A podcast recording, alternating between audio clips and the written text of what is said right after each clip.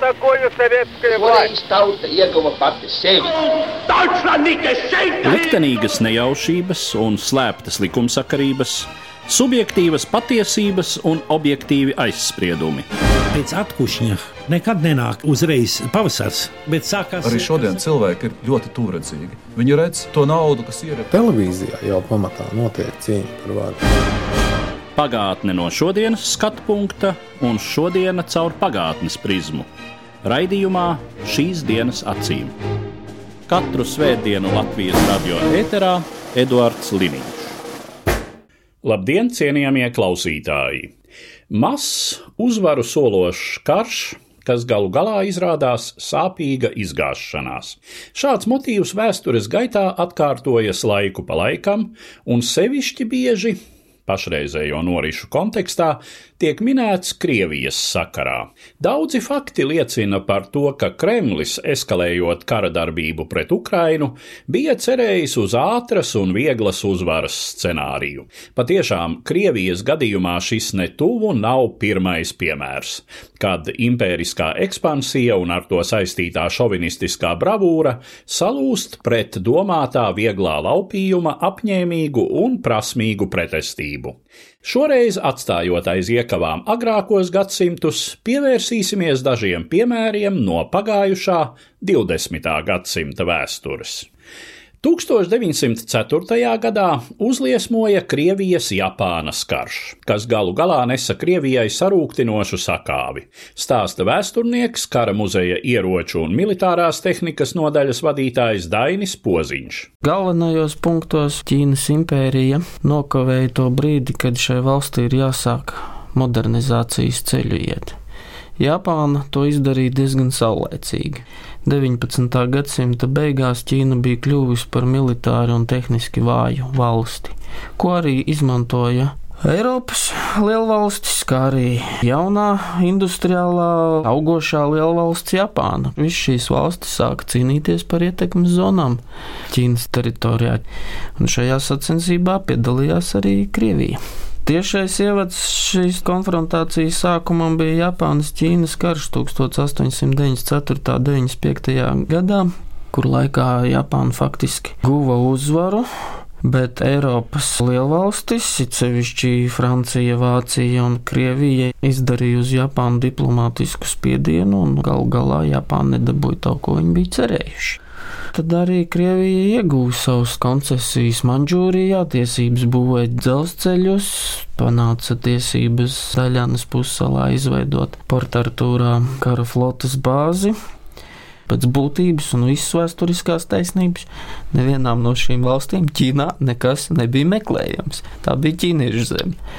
Pēc Ķīnas-Japānas kara Krievija samaksāja Japānai materiālu kompensāciju gandrīz 400 miljonus rubļu par Japānas atteikšanos no šīs pussalas un portartūras bāzes.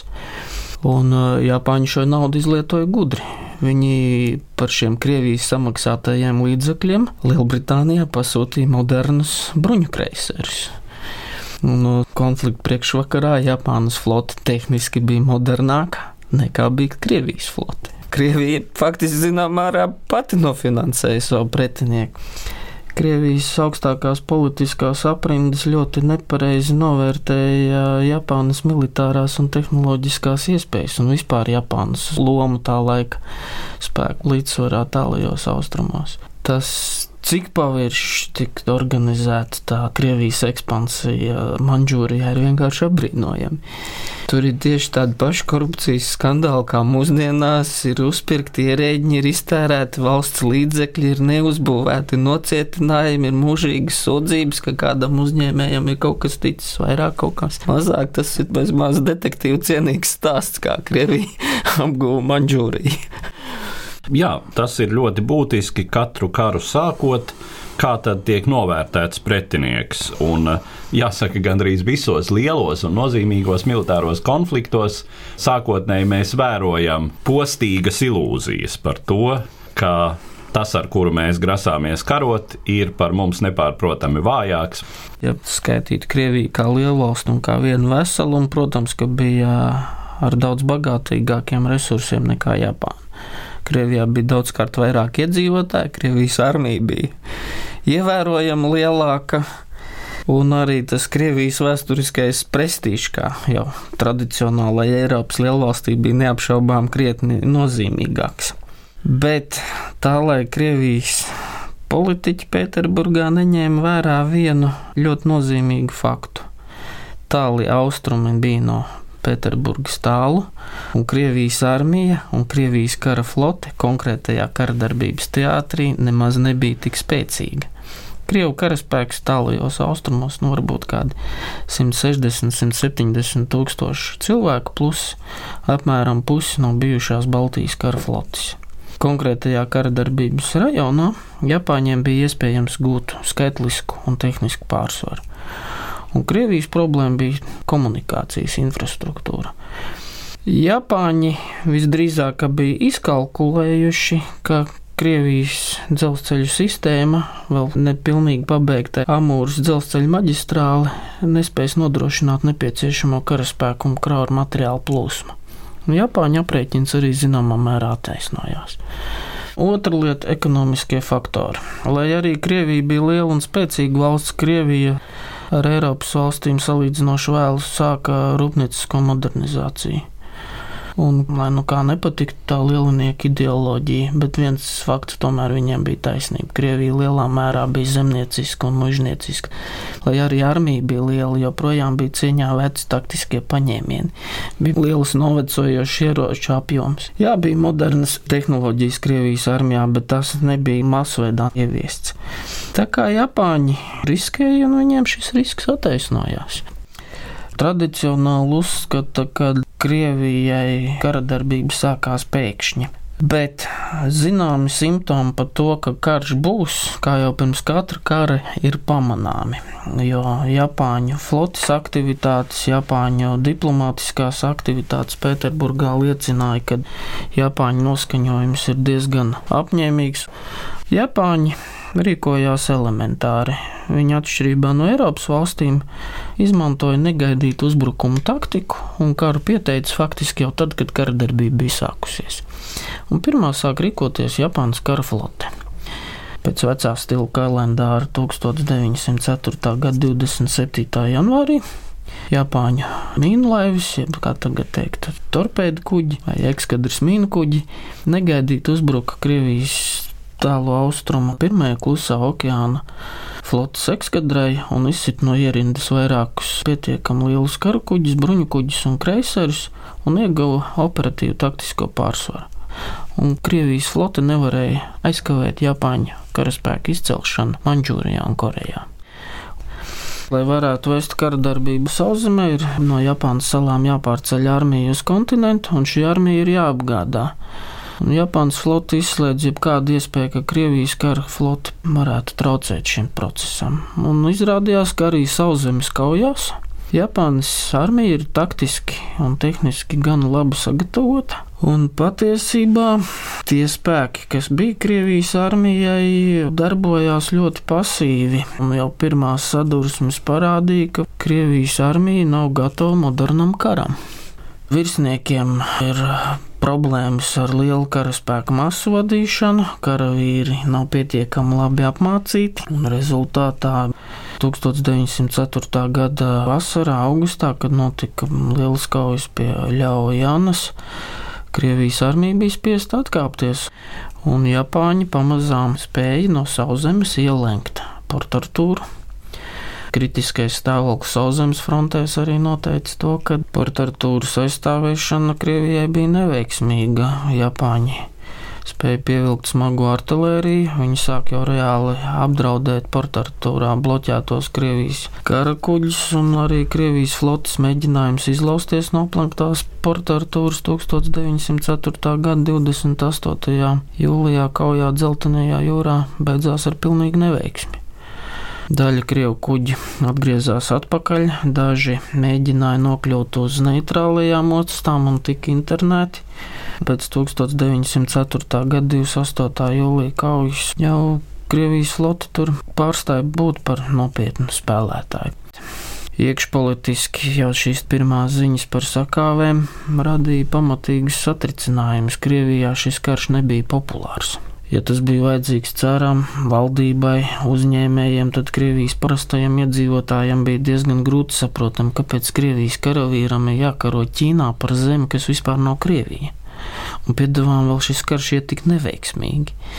Un to arī aktīvi izmantoja sociāldemokrātija. Krievijas sociāldemokrātiskā partija jau 1904. gadā izvērsa aktīvu pretkara propagandu. Un arī latviešu sociāldemokrāti to darīja. Kara muzejā ir tāda interesanta skrejlapa izdota 1904. gadā. Tā ilustrēta lapiņa, un tur ir skaidri uzrakstīts, ka Krievijas lācis sarījies Baltiju, Kaukāzu, Poliju, Somiju un tagad ir aizrījies Manģūrijā un aizmirsis, ka vienīgais ceļš uz mājām ir kļuvis par šauru. Sabiedrībā bija pilnīgi skaidrs, ka tas ir kārtējais Krievijas impērijas ekspansijas mēģinājums un ka gan Baltija, gan Somija, gan Polija ir tieši tādas pašas iekarotas teritorijas un ka pret to ir jācīnās. Nu, tāda lielākā neveiksme, protams, Krievijas armijai, kur patiešām bija jūtama visā Krievijas impērijā, ir Portartūras kapitulācija. Tas ir 1905. gada 20. decembris pēc vecā stila, jeb 2. janvārs pēc jaunā stila, un tas ļoti precīzi sakrīt ar to, kas notika nedēļu vēlāk Pēterburgā un pēc tam Rīgā. 5. gada revolūcijas sākums. Tieši pēc Portartūras krišanas šis katls sāk vārīties un iet pāri pa malām. 1905. gada revolūciju cara impērijas varai izdevās apspiest, taču netika atrisinātas problēmas, kas bija zaudētā kara un revolūcijas pamatā.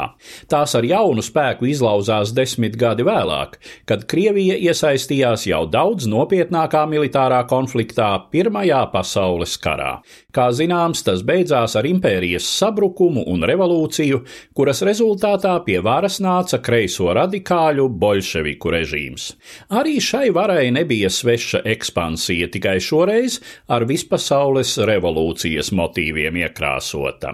No šī mērķa padomju Krieviju šķīra jaunās nacionālās valstis, kuras uz sabrukušo impēriju drupām veidojās Eiropas austrumdaļā. Izšķiroša šai ziņā bija bolševistiskās Krievijas Krievijas sadursme ar Poliju 1920. gada vasarā. Sarkanā armija nonāca Varšavas pievārtē, taču tad straujais uzbrukums pārauga tikpat straujā bēgšanā.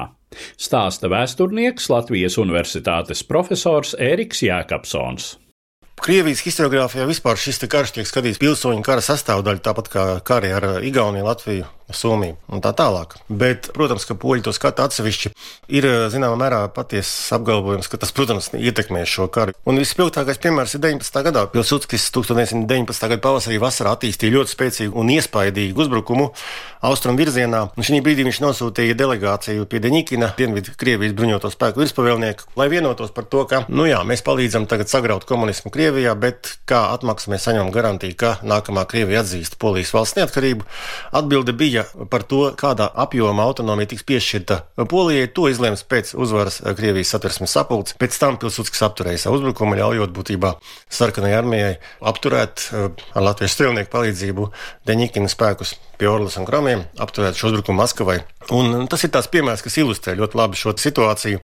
Padomu Krievijas valdībai ļoti aktuāla cīņā gan ar Kolčaku austrumos, gan ar Judeņiču gal galā visu 19. gadu gan, protams, dienvidos ar šiem militāriem formējumiem, gan ziemeļos ar militāriem spēkiem. Un e, līdz ar to uzmanība rietumiem tiek veltīta tik lielā mērā, cik tas ir aktuāli no šo te teritoriju Baltijas ieņemšanas 19. gada sākumā virzība uz Lietuvā, Igaunijā, Latvijā. Arī Baltkrievijā, bet e, tā nav tik intensīva un tā netiek dabiski ieguldīts tāds spēks, kāds būs vēlāk, jo vienkārši viņa nav. E, šī sarkanā armija tikai ar Trotska dzelzs roku tiek formēta visnecilvēciskajām metodēm, lai piespiestu bijušos virsniekus tur dienēt.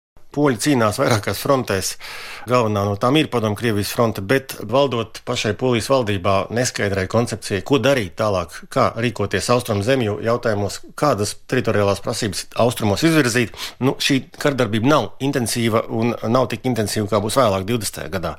Un līdz ar to Šeit norisinās, piemēram, Polijas armijas cīņas gan ar padomju Latvijas armiju, kas arī faktiski tas pats sarkanā armija vien ir, gan ar Lietuvas, Baltkrievijas padomju Sociāliskās republikas armiju, arī tā pati sarkanā armija. Nu, protams, arī ar sarkanu armiju Ukrainā, bet Tās ir vairāk tādas nu, pozīciju noturēšanas cīņas ar nelieliem pārvietojumiem. Līdz pat 20. gada pavasarim, 20. gada sākumā, jūs zināt, ka tad janvārī Latvija kopā ar Poliju veica šo uzbrukuma akciju Latgalē.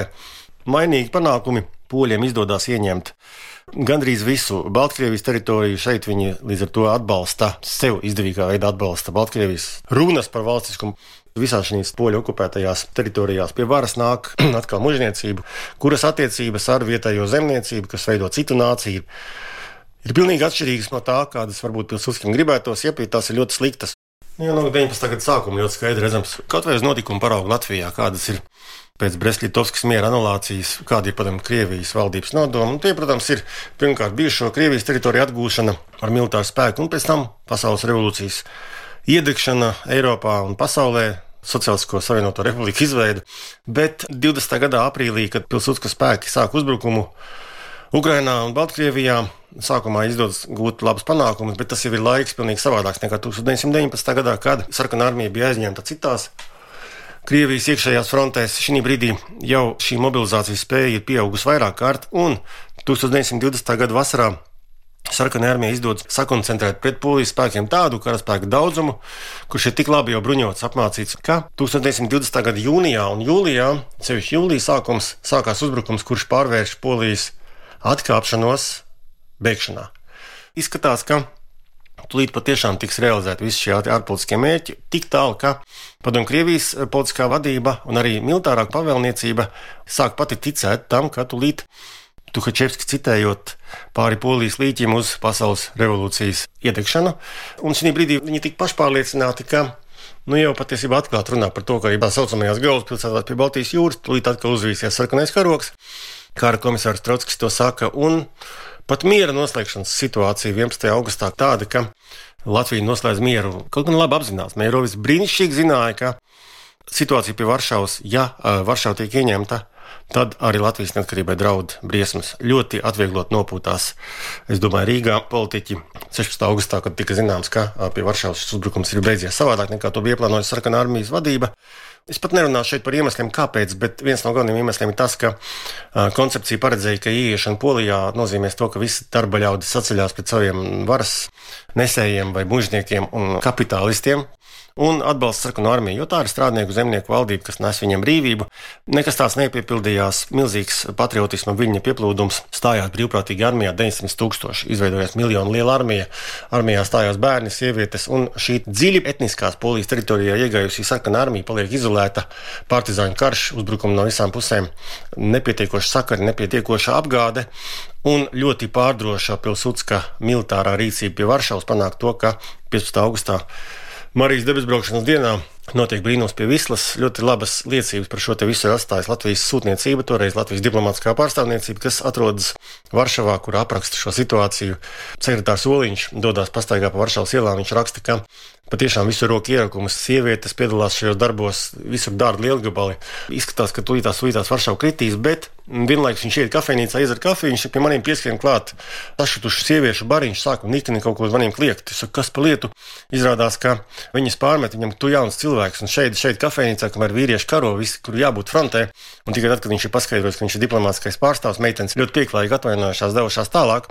Bet, nu jā, šī situācija patiešām ir aprakstīt ziņojumos ļoti izteiksmīgi, un poļiem izdodas apturēt šo uzbrukumu pie Varšavas. Pēc tam jau no poļu puses šie notikumi tiks diktēti. Padomju pusē sarunās Rīgā piedāvāja poļiem daudz lielākas teritorijas nekā viņi paņēma. To mēs nezinām dažkārt, bet tika piedāvātas daudz lielākas teritorijas, ieskaitot pat Minsku. Un šī gadījumā poļu delegācijā dominēja nevis federatīvās iekārtas atbalstītāji, bet tieši inkorporatīvās atbalstītāji, nacionāla demokrāta, šovinisti, kas uzskatīja, ka tik daudz mēs nevaram pārpoļot. Un līdz ar to ņemam tikai tik daudz, cik varam pārpoļot, un tas ir pamatīgs teritorijas šī austrumpolijā, kas bija Baltkrieviskas, eh, Ukrainiskas un tā tālāk. Nu, es gribētu teikt, ka Tas bija pat pareizāk nekā federatīvā uzskats ziņā šai gadījumā, jo, ja poļi būtu paņēmuši to, tad viņi būtu mēģinājuši pārpoļot arī Minsku. Viņi tāpat jau bija valsts, kurā bija 35% minoritāšu, tāpat tas pārāk augsts šis rādītājs. Rīgā 1921. gadā noslēgtais mierlīgums starp Padomju, Krieviju un Poliju sakārtoja situāciju Austrumēropā un uz pāris desmitgadēm apturēja iespējamo bolševisma ekspansiju. Taču 30. gadu nogalē bija radušies priekšnoteikumi, lai padomju režīms, tobrīd savā visradikālākajā, staļiniskā totalitārisma formā, atkal mēģinātu pakļaut vismaz kādreizējās Krievijas impērijas zemes. Padomju tirāns Staļins bija atradis sabiedroto vācu nacisma un tā vadoņa Hitlera personā. Pēc 1939. gadā noslēgtā Molotova-Ribbentropa pakta un kopīgas polijas neatkarības iznīcināšanas, kā arī tā saukto savstarpējās palīdzības līgumu uzspiešanas Baltijas valstīm, Padomju Savienība mēģināja iekļaut savā ietekmes sfērā arī Somiju. Tomēr mazā Ziemeļvalsts atļāvās mest izaicinājumu Kremļa tirānijai, stāsta vēsturnieks Latvijas Universitātes profesors Ilgvars Butulis. Padomju argumentācija bija tāda, ka padomju savienībai ir nepieciešamas gan bāzes, Hanko pussalā, nepieciešams virkni Somijas salu un nepieciešams atvirzīt Somijas robežu vairāk uz rietumiem, un sevišķi tas attiecās uz Karelijas zemes šaurumu, lai Somijas padomju savienības robeža būtu attālināta no Ļeņingradas. Nu, tās bija tās formālās teritoriālās prasības. Prasības bija septiņi punkti, un Somija tā vai citādi bija gatava runāt par pieciem, un nebija gatava runāt par diviem. Tas skaitā par Hanko pussalu, bet tas netraucēja Padomu Savienībai runāt par Somijas nepiekāpīgo un Padomu Savienībai naidīgo nostāju. Somijā šis process nu, notiek visnotaļ demokrātiskā ceļā, un sarunu raundos 39. gada rudenī notiek nepārtrauktas konsultācijas, notiek vai nu pozīcija mājiņas, dažādi manevri un tā tālāk ko Padomju Savienība atkal, ja mēs runājam par to Padomju Savienības retoriku, varbūt arī pat izpratni, kā iztulkot kā Somijas nevēlēšanos, bet vienkārši tā ir demokrātijas pazīme. Un es domāju, šī izšķiršanās notiek varbūt arī tādējādi, ka Somija, manuprāt, cer uz divām lietām. Pirmais, ka varbūt šī Padomju Savienības nostāja tā asā, ka varbūt tas ir zināmā mērā blefs, Un otrs moments, ka, protams, jūzdam un arī cerēdam uz Skandināvijas citu valstu, nu, galvenokārt Zviedrijas atbalstu, un arī uz Anglijas, eh, Francijas un Savienoto valstu atbalstu, kas nenoliedzami Somijai dod eh, spēku. Un es domāju, tas lielā mērā šo izšķiršanos varbūt par tādu eh, nelokāmu nostāju nosaka. Cik pamatotas ir Somijas cerības uz to, ka rietumu valstis varētu nākt tai palīdzīgā, vai varbūt Somija zināmā mērā cer arī uz Vācijas atbalstu tomēr šajā situācijā? Vācijai savā ziņā šis karš, teiksim, interesants un varbūt pat izdevīgs, bet no Vācijas puses nekāda uz reālu palīdzību cerēt nevar. Atbalsts, teiksim, citu viņai, es domāju, nu, ko cerēt nav. Kā zināms, Padomju Savienības vadība un sarkanās armijas komandieri bija pārreķinājušies, uzskatīdami Somiju par vieglu laupījumu. Stāsta vēsturnieks Latvijas aizsardzības akadēmijas pētnieks Valdis Kusmins. Somijai, piemēram, mēs salīdzinām ar to pašu Latviju, bija salīdzinoši vienkārši gatavoties jautājums, ja ir karš, tad ir tikai viens pretinieks un pilnīgi skaidrs, kurš šīs karš notiks un kurā vietā kara darbība notiks. Tātad mums ir karēlīs šaurums, ja notiek kara darbība, tas notiks šeit. Tā saucamās Mannerheima līnijas izbūve un bunkuru būvēšana un plānošana, valsts mobilizācijas plāni. Uz ziemeļiem no Ladagas ir ļoti plaši, nu, teiksim tā, nepārvarami meži ar ļoti maz attīstītu ceļu tīklu, kas būtiski ierobežoja iespējamos sarkanās armijas gan uzbrukuma virziens, gan arī šo uzbrukuma ātrumu. Un pie tam arī laika apstākļi, kādi bija ziema, nav gluži tas labākais brīdis plašu uzbrukuma operāciju veikšanai. Padomju politisko vadību, un es pieļauju augstāko militāro vadību, vismaz tādi izteikumi ir bijuši. Šī Somijas negaidītā spītība arī nedaudz pārsteidza. Un, teiksim, šie plāni, kurus reāli sāka izstrādāt tikai oktobra beigās, un galējie plāni tika pabeigti novembra vidū, daži pētnieki uzskata, ka tie bija diezgan sasteigti. Protams, kad valdīja zinām tāda eiforija, it sevišķi pēc pievienošanas karagājieniem uh, Rietumu Baltkrievijā un Rietumu Ukrainā, pēc kara darbības pie Halhingolas pret Japāņu karaspēku, kur tika diezgan satriecoši panākumi sarkanās armijas vadošajās aprindās. Uzskatīja, ka Somija izdosies diezgan ātri iekarot. Sākās 30. novembrī, tad tā apmēram līdz Staļina dzimšanas dienai 21. decembrī Somija bija jāiekaro. Izšķirošās cīņas nenoliedzami, tas ir Karelijas šaurums. Taisnā līnijā, šaurākajā vietā tas būtu nedaudz mazāk par 90 km tā saucamā Mannerheima līnija, kur frontes līnija nostiprinājās 39. gada decembra vidū un noturējās līdz pat 1940. gada februāra sākumam. Galīgi šī Mannerheima līnija tika pārauta 40. gada no 11. līdz 15. februārim liela uzbrukuma rezultātā. Kopējam uzbrukumam bija paredzētas četras armijas. No stiprākā 7. armija, kas uzbruka tieši šajā Karēlijas šaurumā, 9 strēlnieku divīzijas, tanku korpusu, tanku brigādes, tātad ļoti nopietnas spēks ar 400 tūkstošu cilvēku, pusotru tūkstošu tanku. Pārējās trīs armijas bija paredzētas iesaistīt kara darbībā starp Ladagas ezeru un Murmanskas pilsētu. 8. armija tieši ziemeļos no Ladagas ezera Tās sastāvā bija paredzēts sešas strēlnieku divīzijas, pēc tam tālāk vēl uz ziemeļiem devītā armija ar uzdevumu pārgriezt Somiju tā šaurākajā vietā, nu, lai tik līdz Botnijas līcim pie Oulu pilsētas. Tās sastāvā bija četras strēlnieku divīzijas, protams, ar papildus armijas vienībām, un Murmanskas apkārtnē būtu vēl viena 14. armija trijām strēlnieku divīzijām.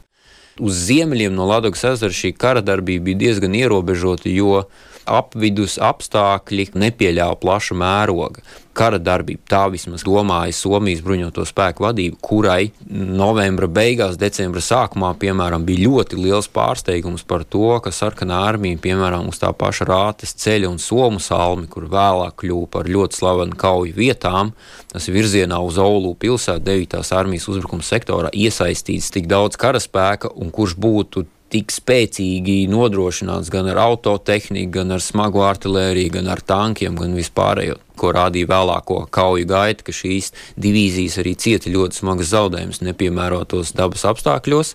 Un arī jāatzīst, ka šo divīziju organizācija nebija pārāk piemērota šiem dabas apstākļiem ziemas laikā. Šāda vidusmēra sarkanās armijas strelnieku divīzija bija gan skaita, gan tehnikas ziņā daudz smagnējāk nekā, piemēram, Vācijas bruņoto spēku kānieku divīzijas 41. gadā.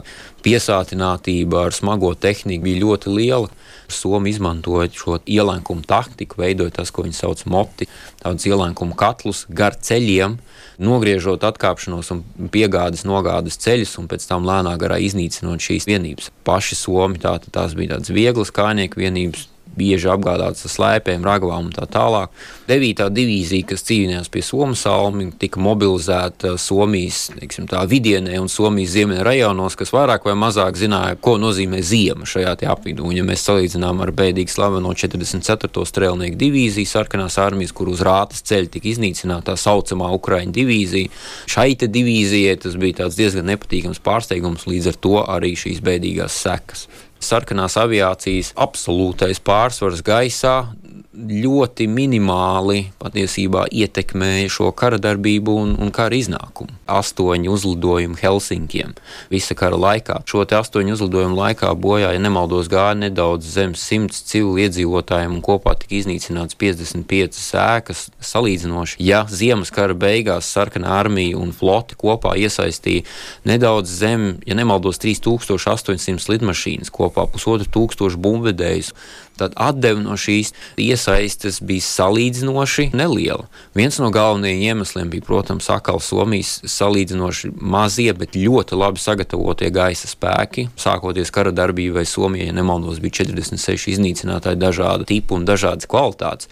Taču šī gaisa aizsardzība bija tik salīdzinoši labi organizēta un labi apmācīta, ka viņi spēja samazināt gaisa uzbrukumus līdz tādām nepārāk efektīvām.